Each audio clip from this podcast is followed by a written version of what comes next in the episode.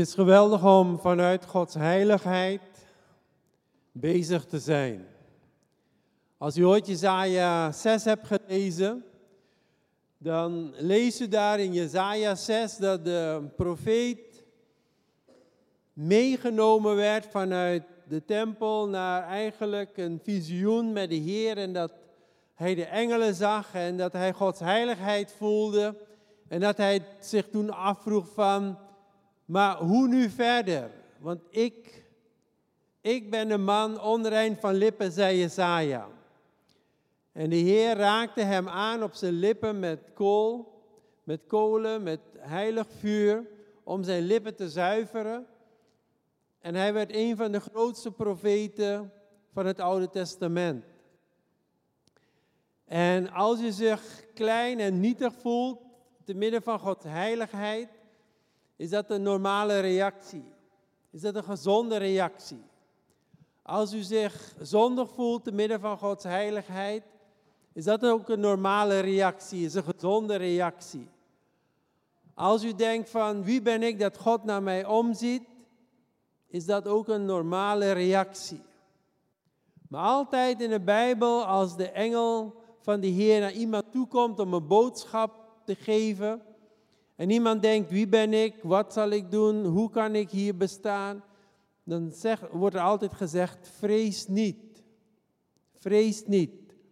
Want God is bij u, God is met u.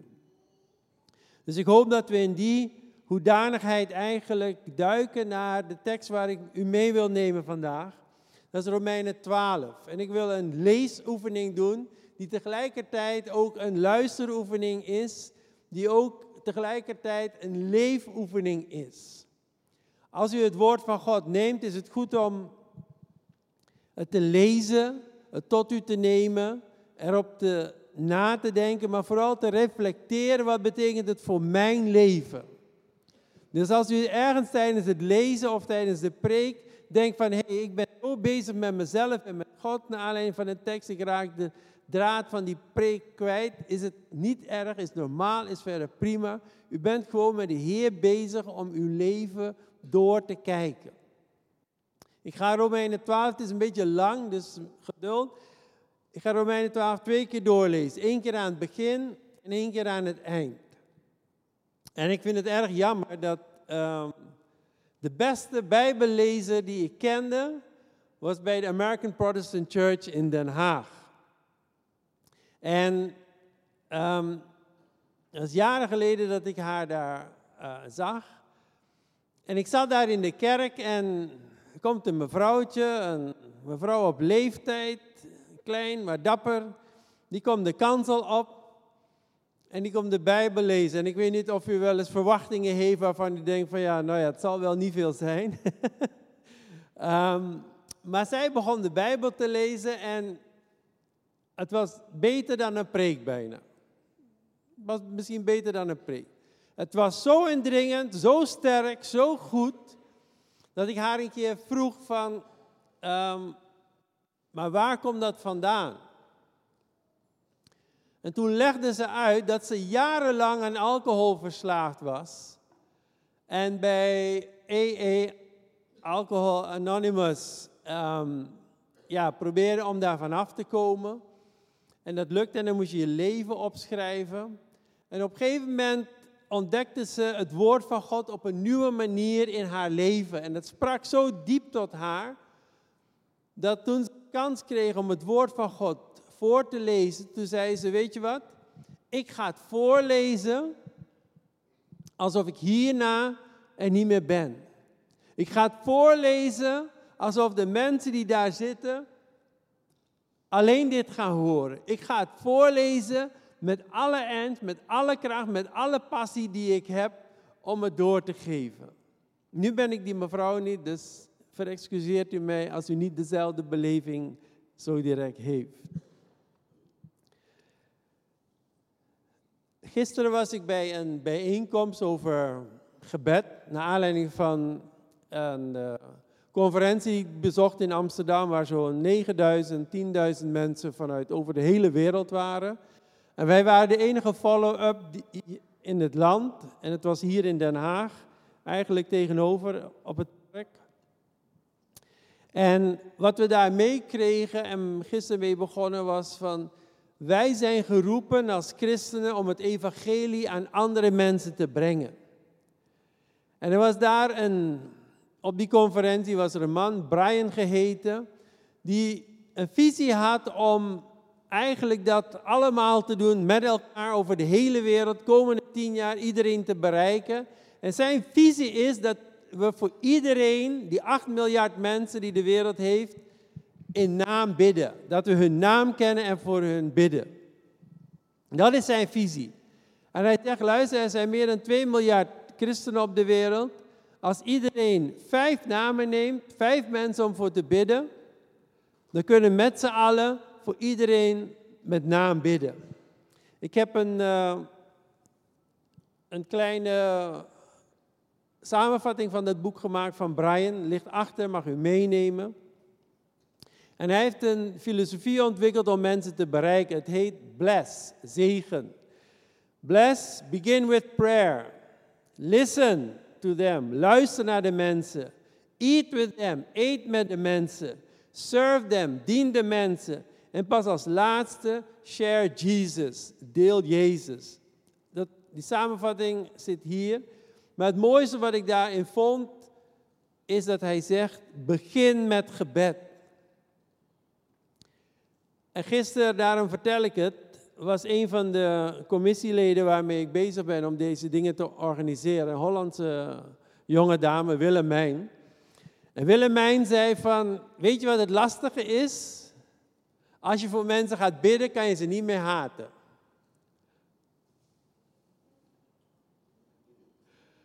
En zij gaf eigenlijk door van luister, ze heeft iemand waar ze heel moeilijk mee heeft. Maar tegelijkertijd is dat iemand die ze op haar lijstje van vijf heeft gezet. Vijf mensen voor wie ze wil bidden, die de Heer mogen leren kennen. En ze zei, ze doet het nu al drie maanden. En in die drie maanden is ze gewoon begonnen met die eerste stap, bidden voor mensen. En ze merkt dat door te bidden voor de mensen er een verandering in haar hart is naar die mensen toe. Met name naar deze persoon die ze af en toe wel kon schieten. En ze zegt, ik kan niet meer zo naar die persoon toe zijn. Omdat ik voor die persoon bid, verander de Heer mijn hart. En ze had vijf namen op haar lijstje. En ze zei, vanuit het niets kwamen drie van die mensen op haar af om haar om hulp te vragen met iets. En bij al die drie mensen heeft ze kunnen vertellen, ik doe het vanuit de liefde voor de Heer. Dus ik geloof zelf, broeder Jitan die wil binnenkort gaan um, evangeliseren hier in de wijk. Ik geloof dat we het ook op andere plekken mogen doen, maar we beginnen hier. Er is een flyer gemaakt, die gaan we uitdelen. Maar voordat we flyeren wil ik u vragen om te bidden voor het werk van Broeder Jitan. Bidden voor het werk van de evangelisatiegroep. En dat u zelf mensen opschrijft voor wie u wil bidden. En dan geloof ik dat de Heer vanuit hier een geweldige zegen zal geven aan evangelisatie. Niet alleen hier, niet alleen in uw eigen leven, maar om u heen. En om u even te bemoedigen, en dan ga ik naar Romeinen 12. De grootste evangelist aller tijden, Billy Graham, die zei: Prayer is crucial in evangelism. Gebed is de kernzaak in evangelisatie. Only God can change the heart of someone who is in rebellion against him. Alleen God kan iemand die in rebellie is tegen hem het hart daarvan veranderen. No matter how logical our, arguments. Het maakt niet uit hoe logisch onze argumenten zijn. Or how fervent our appeals. Of hoe gepassioneerd we een beroep doen op ze. Our words will accomplish nothing. Zullen onze woorden niets bereiken unless God's Spirit prepares the way. Tenzij de geest van God de weg bereidt. Prayer is crucial in evangelism. Gebed is belangrijk en cruciaal in evangelisatie. Ik lees Romeinen 12 één keer voor, dan ga ik er een paar opmerkingen over maken en dan lees ik het nog een keer voor, misschien met accenten. En als u eigenlijk een handboek zoekt voor uw geestelijk leven, voor uw christelijk leven, voor hoe het in de gemeente eraan toe moet gaan, maar hoe u in het leven mag staan, mag u Romeinen 12 lezen. Ik hou eigenlijk van verschillende vertalingen, lezen, Statenvertaling, Nieuwe Bijbelvertaling, allerlei soorten vertalingen. Ik kies voor de duidelijkheid dit keer voor de Bijbel in gewone taal. Dat mist een beetje de kracht van Romeinen 12, maar het maakt het wel duidelijk, hoop ik. En ik hoop dat u hierin herkent dat de Heer tot u spreekt. En het is Paulus, de evangelist, die het heeft geschreven aan de Romeinen. Een van de meest fundamentele brieven in de Bijbel. Vrienden, jullie weten, Romeinen 12 vanaf vers 1, hoe goed God voor ons is. Daarom vraag ik jullie, geef jezelf als een geschenk aan God. Laat je leven een offer zijn dat God graag wil aannemen. Dat betekent leven als mensen die bij God horen. Maar dat is de juiste manier om God te vereren. Doe niet zoals mensen die zonder God leven, maar leef als nieuwe mensen. Want God geeft jullie de wijsheid om Zijn wil te kennen. Daardoor weten jullie wat goed en volmaakt is en waar God blij mee is. Jullie weten hoe goed God voor mij geweest is. Luister daarom naar wat ik tegen jullie zeg. Denk niet van jezelf dat je geweldig bent. Nee, wees verstandig en bedenk goed dat er voor God maar één ding belangrijk is. Gelooft in Jezus Christus. En dan gaat hij over de gemeente praten als een lichaam. Het lichaam is één geheel, maar het bestaat uit veel delen. En al die delen hebben een eigen functie. Net zo vormen wij samen één lichaam. Want we horen allemaal bij Christus. Maar we hebben wel allemaal onze eigen functie. Want God heeft aan ieder van ons een bijzonder geschenk gegeven. Zo goed is Hij voor ons. De een krijgt een boodschap van God.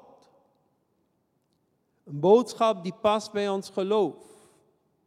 Een ander heeft een bijzondere taak in de kerk en voert die uit als een goed dienaar. Weer een ander geeft uitleg over God en doet dat goed. Iemand, anderen, iemand die anderen oproept om vol te houden, moet hen ook echt steunen. Iemand die iets uitdeelt aan anderen, moet niet hopen op voordeel voor zichzelf. Iemand die anderen hulp geeft, moet dat met aandacht doen. Iemand die iets goeds doet voor anderen, moet dat met plezier doen. En dan een heel cruciaal gedeelte, waar het gaat om ons hart. Jullie liefde voor elkaar moet echt zijn. Blijf ver weg van alles wat slecht is en houd vast aan alles wat goed is.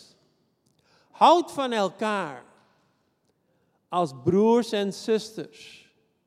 Van elkaar houden. Laat altijd zien dat je respect hebt voor de ander. Doe dat met heel je hart. Laat de Heilige Geest in je werken. En dien God de Heer. Laat zien dat je blij bent, omdat je op God vertrouwt. Misschien kunnen we even naar elkaar glimlachen. Draait er maar even naar elkaar toe. Ja? Is goed. U heeft de oefening begrepen. Die blijdschap die uit u komt, raakt een ander en die maakt dat de blijdschap bij die ander ook naar boven komt. Vandaag hebben we het extra gezellig in de kerk, want de kinderen zitten gewoon onder ons. Heb respect voor die kleintjes, ze hebben een eigen dynamiek. Die gaat naar mama toe hier op het podium als ze zingt. En ze mogen thuis zijn in ons midden. Houd vol als je in moeilijkheden komt. En blijf altijd bidden. Steun de christenen die hulp nodig hebben. En ontvang ze hartelijk in je huis. Er was een broeder die ik ontmoette uit India in, uh, in Amsterdam. En die mocht ik thuis ontvangen. Broeder Jitan mocht hem thuis ontvangen. We hebben hij is hier gekomen voor de bidstond, maar hij preekte toen niet. Hij is toen naar twee andere diensten gegaan. En we hebben nog steeds contact met hem. En in die twee, drie dagen dat we elkaar hebben leren kennen, want we kennen elkaar daarvoor helemaal niet, is er een bijzondere hartelijke liefdesband ontstaan vanuit de Heer. Tussen ons en onze gezinnen en hun gezin. En zo werkt de Heer dat je vanuit het niets ergens komt en de Heer geeft je een geweldige band met iemand. Ontvang ze hartelijk in je huis. Als mensen je in moeilijkheden brengen, kostdenk, nee, nee, nee, sorry, dat staat er niet. Als mensen je in moeilijkheden brengen, bid dan voor hen. Niet alleen voor jezelf, dat ga je automatisch doen. Je me, Heer, help mij, maar bid dan ook voor hen. Vraag God niet om hen te straffen, maar bid voor hen. Jullie moeten altijd, en ik ga niet doen dat je, u moet doen alsof u huilt, maar oké. Jullie moeten altijd met elkaar meeleven in vreugde en in verdriet. Vergeet nooit dat jullie als christenen allemaal gelijk zijn. Je moet jezelf niet belangrijker vinden dan anderen. Wees tevreden met de onbelangrijke plaats en wees niet eigenwijs. En dan weet ik niet of het gaat over de gemeente of buiten de gemeente, maar er komt nu een, een, een belangrijke tekst over hoe staat u in het leven. Niet alleen als iemand u moeilijkheden geeft, maar als iemand u kwaad doet. Hoe staat u in het leven?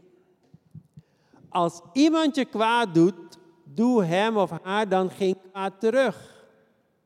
Maar laat aan alle mensen zien dat jullie het goede willen doen. Doe je uiterste best om met iedereen in vrede te leven. Beste vrienden, neem geen wraak op anderen. Laat het straffen over aan God, want in de heilige boeken zegt God, ik ben het die straft. Ik geef ieder mens wat hij verdient. Dus, als je vijand honger heeft, geef hem dan te eten. Als hij of zij dorst heeft, geef dan te drinken. Daarmee laat je zien dat niet jij, maar God zal straffen. Laat je niet overwinnen door het kwaad, maar overwin het kwaad door het goede. En ik wil eigenlijk naar aanleiding van die preek vorige week dit gedeelte even echt onder uw aandacht brengen. Ik ga twee of drie dingen zeggen en dan twee of drie fragmenten herhalen. Omdat in ons leven, we gaan grote uitdagingen tegemoet. Daar moet u niet lichtzinnig over nadenken. De wereld heeft geweldige uitdagingen op dit moment. En ik denk dat we nog niet alles hebben gehoord wat op ons af gaat komen. Maar ik wil dat u als christenen te allen tijden standvastig blijft. Dat betekent niet dat u niet mag huilen. Het staat ook als iemand verdriet heeft, huil met die persoon mee. Dat betekent niet dat u altijd blij moet zijn, maar het betekent wel van uw blijdschap komt niet uit omstandigheden, niet uit anderen, maar komt uit de Heer. En u heeft met die kleine piertivi, met die kleine glimlach die we naar elkaar toe deden, heeft u gezien dat als jij blij bent, die ander daar ook op gaat reageren. Is er één kleine waarschuwing vanuit spreuken? Spreuken zegt, als jij blij doet rondom iemand die in diep verdriet is, dan is het alsof je azijn gooit bij de pijn die er al is. Dus als u zich ongemakkelijk voelt bij iemand die, die pijn heeft of verdriet, begin niet hartelijk te lachen om het maar weg te moffelen. Nee, blijf rustig stil. Luister en bid voor die persoon. En Gods geest gaat u leiden. Want ik wil werkelijk dat u doordringt tot de kern van deze tekst.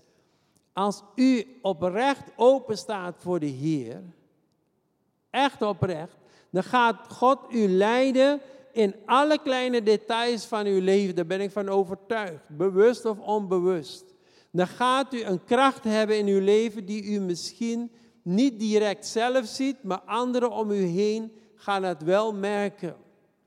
En daarom is wat ik u mee wil geven afgelopen week, deze week, wat ook op u afkomt, ga niet direct reageren of afreageren.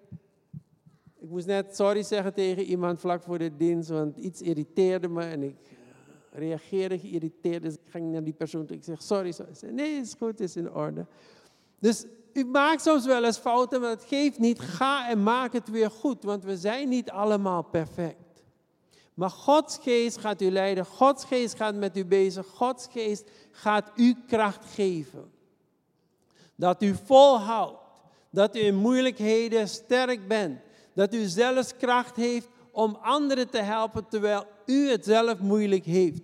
En misschien weet die ander het niet en kan het niet weten, of die ziet het niet, of die heeft geen interesse, of die staat heel anders in het leven. Maar onthoud de Heer ziet u wel, de Heer ziet uw hart wel. En daarom werd ik geraakt door dit gedeelte. Wees tevreden met een onbelangrijke plaats. Wees tevreden met een onbelangrijke plaats. Omdat als u niet gezien wordt en u doet iets vanuit het geloof, is het nog echter, nog oprechter, nog krachtiger dan iemand die, ja, ik, ik zeg het even zo, ambtshalve hier staat en moet zingen en moet worship leiden en moet spreken en onderwijs moet geven. Want daar zit altijd, ik bedoel niet negatief iets van performance. Je kan niet hier komen en niets zeggen. Dan moet je niet hier komen. Je kan niet hier komen als worship leader en niet zingen. Dan moet je niet hier komen. Begrijp me goed, we doen het allemaal vanuit de beste bedoelingen, vanuit ons hart voor de Heer, vanuit ons hart voor de bediening, vanuit ons hart voor u.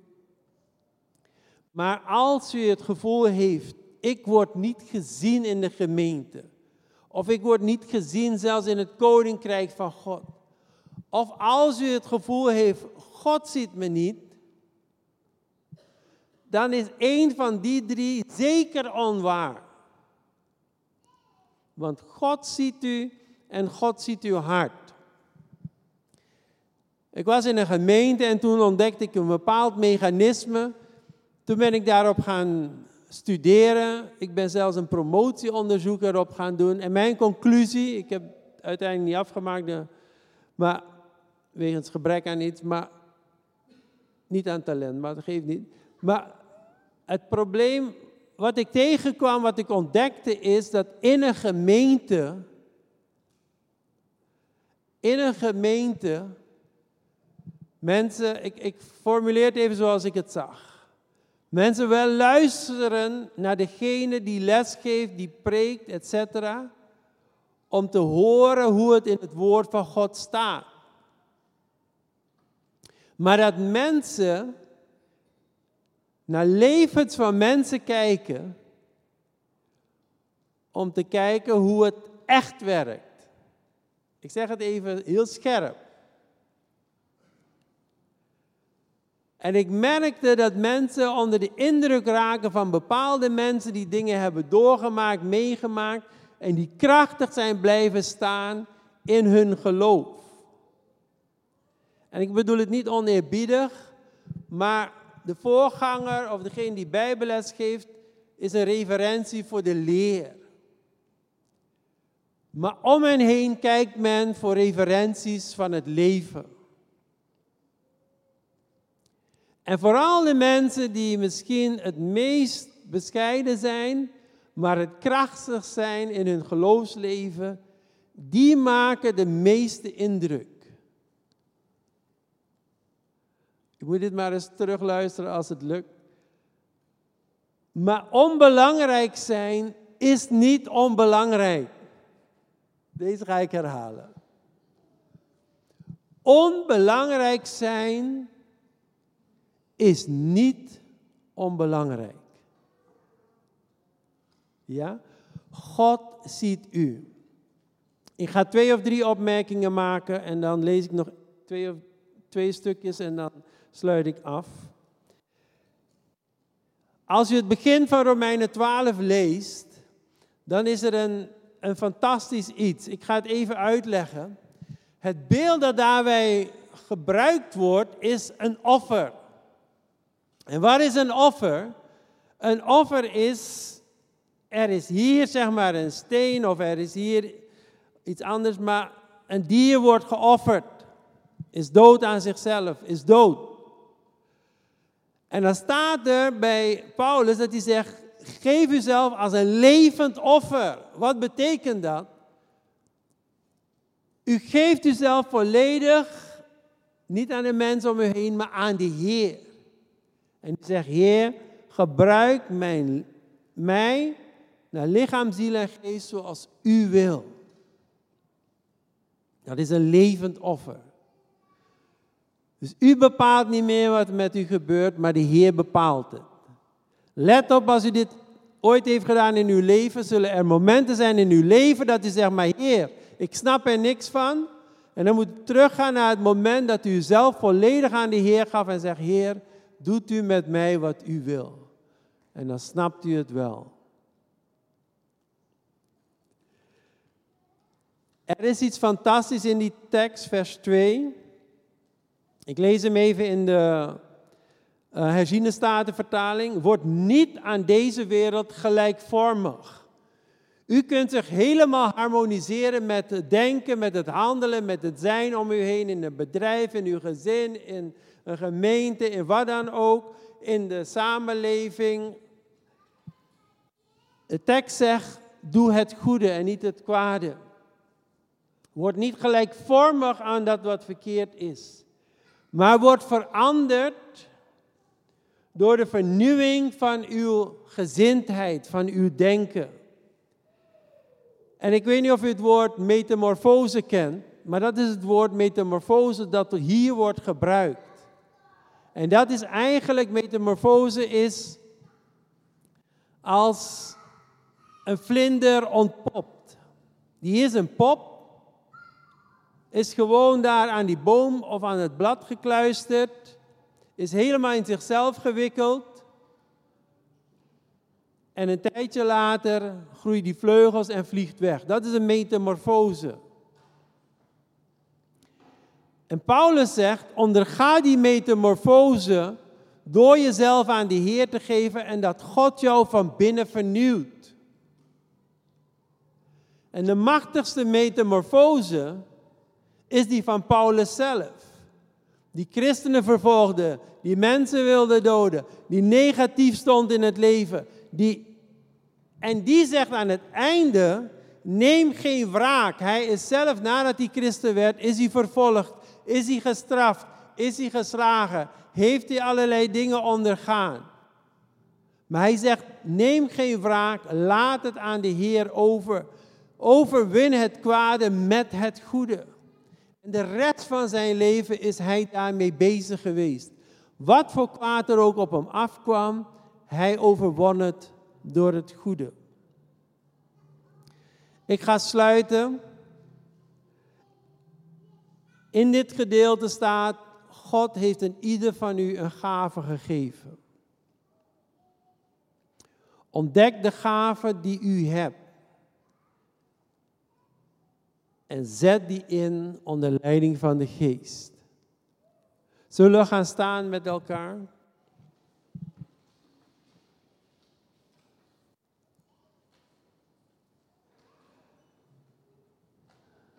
Als mensen je in moeilijkheden brengen, bid dan voor hen.